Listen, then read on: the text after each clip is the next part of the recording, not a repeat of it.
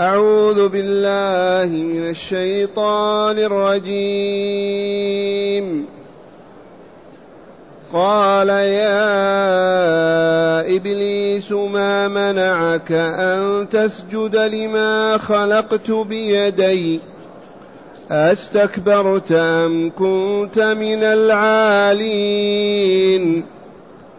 قال أنا خير منه خلقتني من نار وخلقته من طين. قال فاخرج منها فإنك رجيم. وإن عليك لعنتي إلى يوم الدين. قال رب فأنظرني إلى يوم يبعثون. قال فإنك من المنظرين إلى يوم الوقت المعلوم. قال فبعزتك لأغوينهم أجمعين إلا عبادك. إلا عبادك منهم المخلصين. قال فالحق والحق أقول لأملأن جهنم منك وممن تبعك منهم أجمعين. قل ما أسألكم عليه من أجر وما أنا من المتكلفين. إن هو إلا ذكر للعالمين. ولتعلمن نبأه بعد حين. أحسنت. معاشر المستمعين والمستمعات من المؤمنين والمؤمنات. قول ربنا جل ذكره قال يا إبليس ما منعك أن تسجد لما خلقت بيدي الآية؟ أعيد إلى أذهانكم أن الصور المكية التي نزلت بمكة هي تعمل على إيجاد عقيدة سليمة صحيحة. يصبح صاحبها حيا كامل الحياة. يسمع ويبصر وينطق ويعطي ويأخذ ويذهب ويجيء لحياته الكاملة. وفاقد هذه الحياة ميت. ولا أدل على ذلك من أن أهل الذمة في ديار المسلمين لا يؤمرون بصلاة ولا صيام ولا زكاة ولا حج ولا جهاد. لماذا؟ لأنهم موتى. إن نفخنا فيهم الروح. وقال أحدهم أشهد أن لا إله إلا الله. وأشهد أن محمد رسول الله ثم حي يؤمر بالاغتسال على الفور فيغتسل ويدعى إلى الصلاة فيصلي ويؤمر بالصيام فيصوم وذلك لكمال حياته. أما وهو ميت فلا يؤمر ولا ينهى ولا يكلف. وأعظم أركان الإيمان التي بها تكون الحياة حقا هي التوحيد والنبوة والبعث الآخر.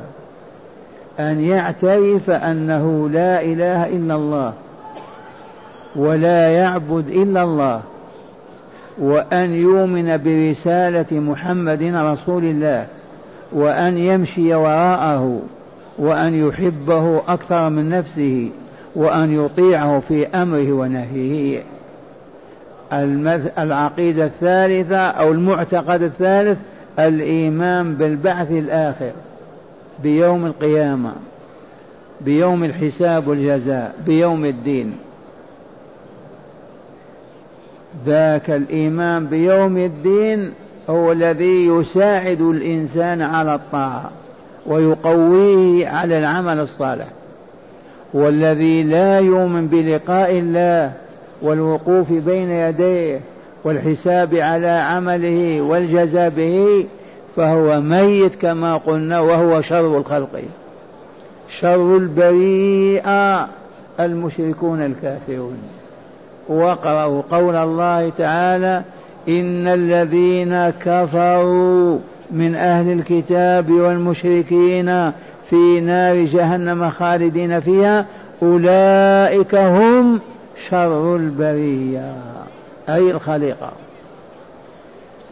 والنصغ مستمعين ما في هذه الآيات من تقرير النبوة المحمدية وأنه لا إله إلا الله وأن البعث الآخر حق والجزاء فيه لا بد. قال يا إبليس من القائل الله جل جلاله وعظم سلطانه؟ قال لإبليس يا إبليس بعدما أبلسه أي أيأسه من الخير إن مسح كلية ما في خير أبدا فلهذا قيل فيه إبليس. أبليس وئس من الخير. يا إبليس ما منعك أن تسجد لما خلقت بيدي؟ أي شيء منعك أن تسجد لآدم؟ وقد خلقته بيدي ونفخت فيه من روحي وهو عبدي وأمرتك بالسجود له وأمرت الملائكة كلهم بالسجود فسجدوا كلهم في السماء والأرض إلا أنت أبيت. لما؟ ما منعك. أي شيء منعك؟ وحقا لما صنع الله خلق الله آدم ونفخ فيه من روحه وأصبح بشريا أمر الملائكة في السماء والأرض أن يسجدوا فسجدوا لآدم سجود تحية لا سجود عبادة. بل العبادة لمن أمر فأطيع. وأما المسجود عنده وإليه فهو من باب إكرام الله تعالى له. وقد ذكرت لكم بالأمس مثلا وهو أننا نسجد لله تعالى خلف مقام إبراهيم. لا نصلي ركعتين إلا خلف المقام. ليست تلك عبادة للمقام وإنما العبادة لله الذي أمرنا بقوله فاسجدوا اتخذوا من مقام إبراهيم مصلى. لكن المقام ذاك الحجر لما قدم لما قدم من الخير ولما صنع من المعروف اعترف الله له بذلك وأمر عباده أن يسجدوا عنده.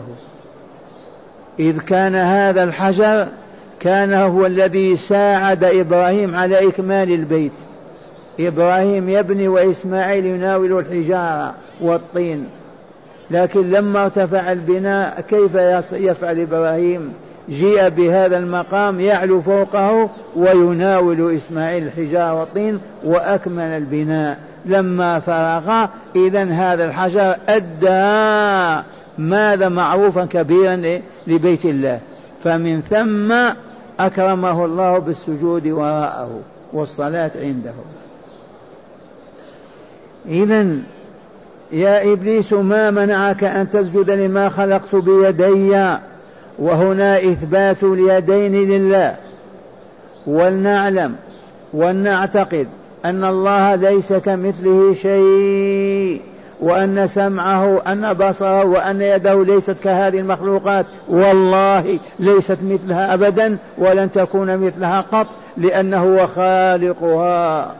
فنؤمن بيدي الله ولكن نبرر الله أن تكون يده كيد فلان وفلان أو يخطر ببالك هذا. انزعه تماما من نفسك وآمن بما أخبر تعالى به عن نفسه لما خلقت بيدي.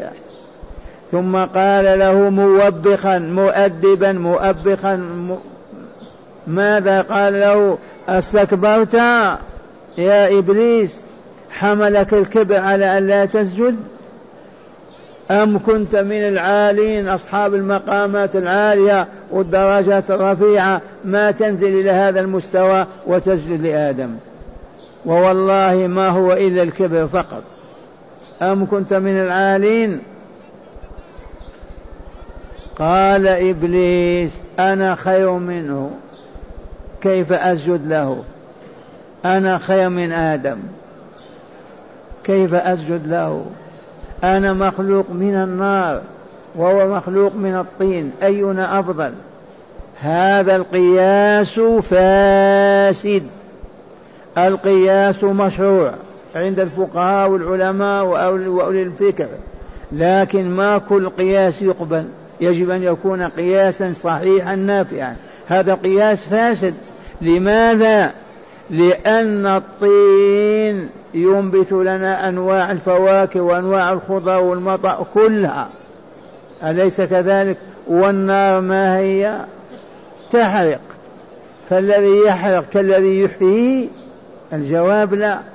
إذا قياسه فاسد. ما أصاب في قياسه؟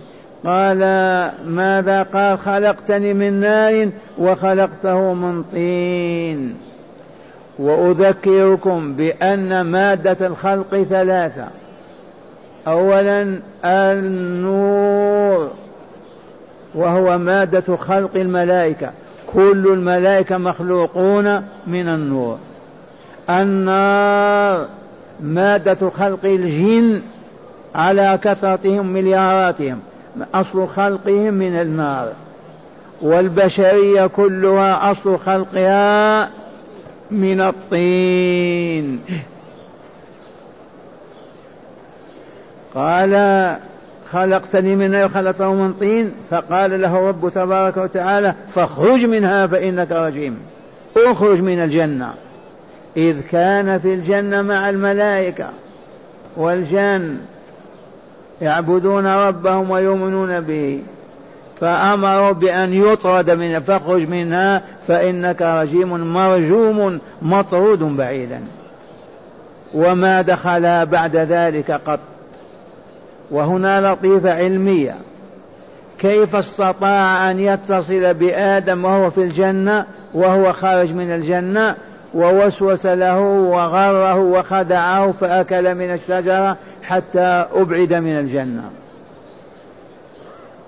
الروايات الإسرائيليات وغيرها تقول وتقول منها أنه دخل في حية. والآن بعدما ظهرت هذه العجائب في الكون أظهرها الله عز وجل أصبح الإيمان بهذا شيء عادي. الآن أنت في بيتك وتتكلم مع آخر في بيت آخر. أليس كذلك؟ أنت في المدينة تتكلم مع آخر في المغرب. أليس كذلك؟ آدم إذا في الجنة وذاك في خارج من الجنة ووسوس له وغرر به وخدعه. ولا حرج. تجلت هذه الحقيقة وإلا لا في النفس استعداد لقبول الوسواس. كل إنسان له مكان خاص لقبول وسواس إبليس من الجنة والناس. إذا قال فاخرج منها فإنك رجيم معنى رجيم مرجوم بمعنى مبعد من الجنة. وإن عليك لعنتي إلى يوم الدين. لعنتي طردي وبعدي لك من الخير إلى يوم القيامة. لا يرى خيرا أبدا بحال من الأحوال. ملعون. وها هم أولئك المؤمنون يلعنونه. في كل حياتهم. أعوذ بالله من الشيطان الرجيم. صورة الجن كذلك. صورة الناس. مطرود ملعون. وإن عليك لعنتي إلى يوم الدين. ما المراد بيوم الدين؟ هو يوم القيامة. يوم الجزاء. يوم الحساب. ذاكم هو يوم الدين. إلى يوم القيامة. ماذا قال العدو؟ قال ربي فأنظرني إلى يوم يبعثون. إذا ما دمت قد طردتني وأيأستني وأشقيتني. إذا فأنظرني أو خليني حيا بينهم إلى يوم القيامة. إلى يوم يبعثون. قال ربي أي يا ربي فأنظرني أمهلني أتركني حيا أفعل ما أفعل العجيب ببني الناس الذين بسببهم هلكت وشقيت إلى يوم يبعثون. يوم البعث والنفخة الثانية. النفخة الأولى نفخة الفناء وموت كل حي. والنفخة الثانية نفخة البعث من القبور. هو طلب أن يبقيه حيا حتى يبعث مع الناس. ما يموت أبدا. طلب أن لا يموت. فأنظرني إلى أن يبعثون. قال فإنك من المنظرين. أي الممهلين إلى يوم الوقت المعلوم. لا إلى يوم يبعثون.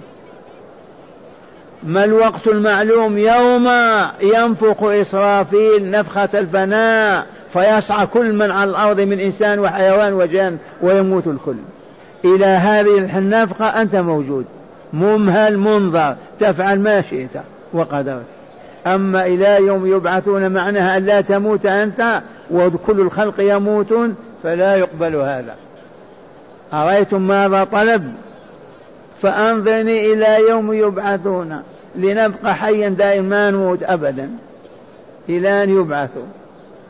فقال له الله تبارك وتعالى فإنك من المنظرين إلى إلى يوم الوقت المعلوم لنهاية هذه الحياة الدنيا وهو النفخة الأولى نفخة الفناء. أما نفخة البعث فبين الأولى والثانية أربعون سنة. ماذا قال إبليس؟ سبحان الله مع الله يتكلم. قال فبعزتك لأغوينهم أجمعين. فبعزتك أقسم لله بعزة الله. وهذا هو مشروع عندنا وإلا نقسم بعزة الله بجلال الله بكمال الله بحياة الله بقدرة الله إذ لا يمين إلا بالله. لا يجوز لمؤمن ولا مؤمنة أن يحلف بغير الله. والله العظيم. لا يجوز لمؤمن ولا مؤمن أن يحلف بغير الله. والله يحلف باسمه بصفاته كما أقسم إبليس بعزة الله وجلاله وكماله. والذين يحلفون بالنبي ويحلفون بالكعبة والقبلة والطعام يجب عليهم أن يتوبوا قبل أن يموتوا. يجب عليهم أن يتوبوا قبل أن يموتوا. ومن يجري على لسانه الحليف بغير الله وهو لا يعنيه ولا يريده لكن اعتاده. وأصبح يقول والنبي ككثير من المصريين والنبي جاءني هنا قلت له لا تحلف بالنبي. قال والنبي ما نعود لأنها ثابتة في لسانه من كان يحلف بشيء واستقر في ذهنه وما يتخلص منه العلاج الواجب أن يقول لا إله إلا الله. تمحو ذلك. قلت والنبي والكعبة لا إله إلا الله. تمحو ذلك الأثر هكذا علمهم رسولنا صلى الله عليه وسلم. إذ كانوا في الجاهلية يحلفون باللات والعزى ومنات وإلا لا. عاش خمسين سنة يحلف بذلك. أسلم من يومين. ينسى هذا؟ ما ينسى. يقول واللات ما كان. فالرسول قال لهم من حلف باللات فليقل لا إله إلا الله. تمحها لا نشك أن بين الحاضرين من اعتاد الحلف بغير الله. الحل الوحيد أنك تجتهد ألا تحلف بغير الله. فإن خرج منك يمين بغير الله قل لا إله إلا الله. تمحو ذلك الأثر ويمحي ذلك الإثم. فبعزتك لأغوينهم أجمعين إلا عبادك منهم المخلصين. الذين استخلصتهم يا رب لخدمتك لطاعتك وعبادتك. وولايتك. هؤلاء ما نقدر عليهم. نعم الذين استخلصهم الله له ليعبدوه وحده ولا يشركوا به سواه ويطيعوه في أمر ونهيه ما يقوى الشيطان على إضلالهم وإفسادهم. قولوا اللهم اجعلنا منهم. اللهم اجعلنا من عبادك المخلصين. اللهم اجعلنا من عبادك المخلصين. اللهم اجعلنا من عبادك المخلصين. أي الذين استخلصتهم دون الناس لعبادتك وطاعتك. لا المخلصين الذين أخلصوا. الذين استخلصهم الله. قال فالحق والحق أقول. قال الرب تبارك وتعالى أنا الحق والحق أقول لأملأن جهنم. الله أكبر. أنا الحق والحق أقول لأملأن جهنم منك ومن تبعك من أجمعين. هذا اليمين هذه العظيمة هذه. أنا الحق والحق أقول ولا أقول غير الحق. لأملأن جهنم منك وممن تبعك منهم أجمعين. قال فالحق والحق أقول لأملأن جهنم منك وممن تبعك منهم أجمعين. يا أيها الذين يتبعون إبليس ويجون وراءه ويحسن لهم الزنا والربا فيزنون ويرابون. يحسن لهم الأباطيل والكذب والخداع فيخدعون ويكذبون. يا من هم تابعون لإبليس؟ هذا وعيد الرحمن لكم. سمعتم ما قال؟ لأملأن وعزتي وجلالي لأملأن جهنم منك وممن اتبعك منهم أجمعين. أبيض أسود عربي عجمي في عهد الأول والعهد الآخر. فهيا بنا نطرد إبليس من بيننا ولا نستمع لنداه ولا نجيب دعاه. فإذا دعانا إلى ما حرم الله نعرض دعانا إلى ترك واجب نعرض دعانا إلى فعل معصية نعرض عنه ونلعنه نصبح حقا لسنا من أوليائه. والذين يستجيبون له يغمسهم في الذنوب والآثام حتى يكونوا إخوة له في جهنم. هو يريد أن يدخل معه البشر كلهم في جهنم. لماذا؟ قال هم السبب في هلاكي ما دخلت النار إلا من أجلهم. إذا فأنا أعمل على أن يدخلوا النار كلهم. والعياذ بالله. قال أي قال الرب تبارك وتعالى أنا الحق هذا خبر مبتدأ محذوف أنا الحق والحق أقول لأملأن جهنم منك يا إبليس وممن تبعك من الإنس والجن أجمعين.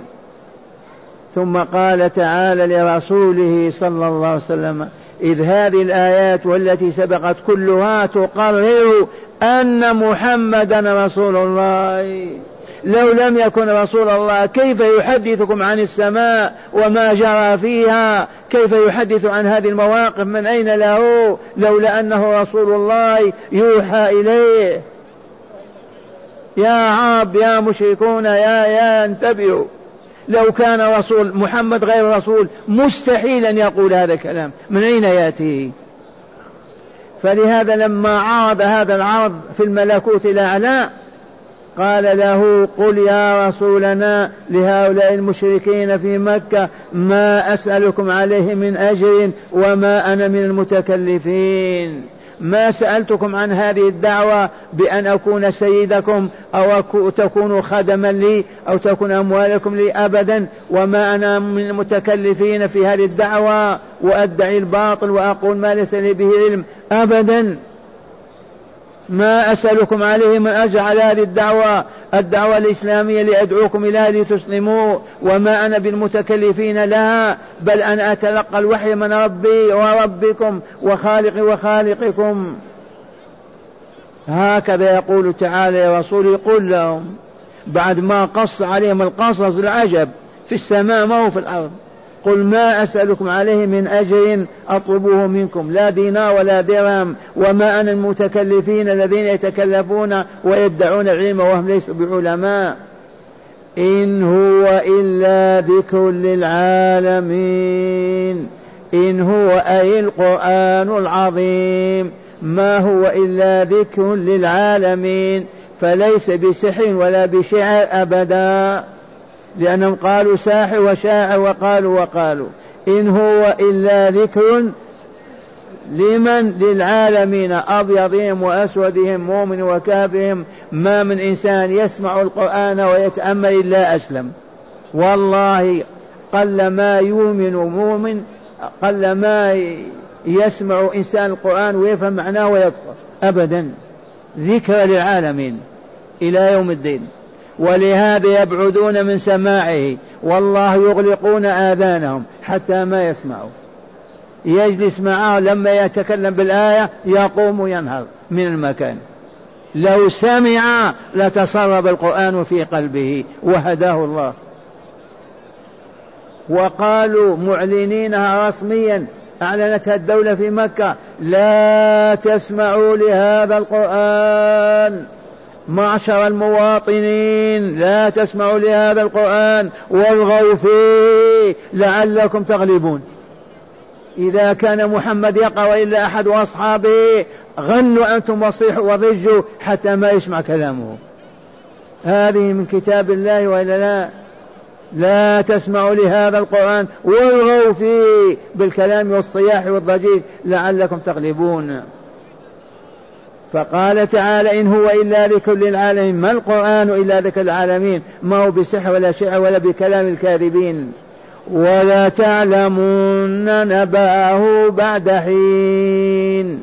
والله وعزة الله وجلاله لتعلمن خبره العظيم بعد حين. وتم لهم ذلك. أولا الذين صرعوا في بدر عرفوا الحقيقة.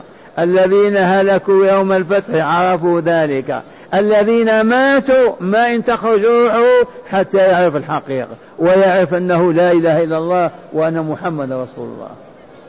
ولتعلمن خبر القرآن وما أخبر به وما دعا إليه وما طالب به من عبادة الله وحده وطاعة وطاعة رسوله. تعلمون هذا بعد حين. هذا الحين يكون عند الموت قطعا. كان لبعضهم في بدر شاهدوا انهزامهم وهلاكهم شاهدوا في يوم الفتح. والآن مع هداية الآيات. بسم الله والحمد لله والصلاة والسلام على خير خلق الله سيدنا ونبينا محمد وعلى آله وصحبه. من هداية هذه الآيات أولا ذم الكبر والحسد وحرمتهما وبيان جزائهما. من هداية هذه الآيات التي تدارسناها من هدايتها التنديد والتنفير من الشرك من الكبر والحسد. وقدمنا أمس الكلام وعرفناه. إبليس حسد آدم وإلا لا؟ حمله الحسد على أن لا يسجد له. فأدى بذلك إلى اللعنة والطرد إلى يوم القيامة إلى جهنم. إذا فلنجاهد أنفسنا ولا نسمح أبدا لهذا الخلق يستقر فيها لا كبر ولا حسد. متواضعون متطامنون هذه حياتنا ولا كبر ولا حسد. من أعطاه الله ما نقول هذا فضل الله أعطاه علم هذا فضل الله أعطاه جمال هذا فضل الله نحمد الله عز وجل. ما نحسده على ما وهبه ربه. وهما من أعظم الذنوب وأشدها الكبر والحسد. يكفي أنهما تسبب في طرد إبليس ولعنه. نعم.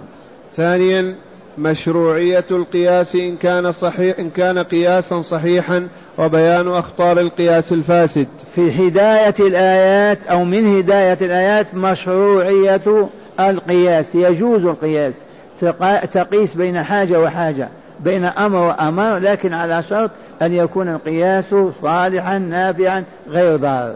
قياس إبليس فاسد أليس كذلك؟ قال كيف؟ تخلقه من طين وتخلقني من نار ونسجد له مخلوق من طين. الطين أفضل. لو تأمل الطين أفضل من النار النار تدمر وتحرق وتميت والطين يحيي وينبت. مشروعية القياس لكن على شرط أن يكون الذي يقيس على علم وبصيرة نعم. ثالثا مشروعية القسم بالله وبصفاته وأسمائه. مشروعية القسم أي الحلف بالله وبأسمائه وصفاته. دلت الآيات هذه قول الله تعالى فبعزتك دل على مشروعية اليمين بالله القسم الحلف بالله بأسمائه وصفاته. إبليس حلف باسم الله وبصفاته بصفته فبعزتك. العزة والعز وصف لله. ونحن نقول بالله تالله والله ولكن لا نحلف بغير الله أبدا. ولو تقطع ألسنتنا نعم. رابعا بيان أن من كتب أن, أن من كتب الله سعادتهم لا يقوى الشيطان على إغوائهم وإضلالهم. هداية وهي لطيفة. وهي أن من كتب الله سعادته في الأزل في كتاب المقادير والله ما يقوى الشيطان على إضلاله وإفساده. لأن الله استخلصه له ليكون في جواره في الملكوت الأعلى فهو يحفظه من إبليس وما يستطيع إبليس أن يضله أو يفتنه أبدا. ما قال إلا عبادك منهم المخلصين؟ نعم. خامسا لا يجوز أخذ الأجرة على بيان الحق والدين. هذه اللطيفة. لا يجوز أخذ الأجرة على بيان الحق والدين. لا يحل لأحد يقول لك تريد أن نفتيك أعطيني ريال تريد أن نبين لك الطريق أعطيني عشرة. هذا لا يجوز أبدا بحال من الأحوال. لا يجوز أخذ الأجر على بيان الدين أبدا وبيان الحق. يا من عرف الحق إذا سئلت عنه واجب بينه. لا تجهده ولا ترد من سألك عنه. ولا تقول لا بد من منصب لا بد من مال. أعيد هذه اللطيفة. لا يجوز أخذ الأجرة على بيان الحق والدين. لا يجوز أخذ الأجرة على بيان الحق والدين. والحمد لله ما في عالم من علماء المسلمين يقول أولا أعطيني كذا وبعد أفتيك في كذا. لا وجود لهذا. نعم.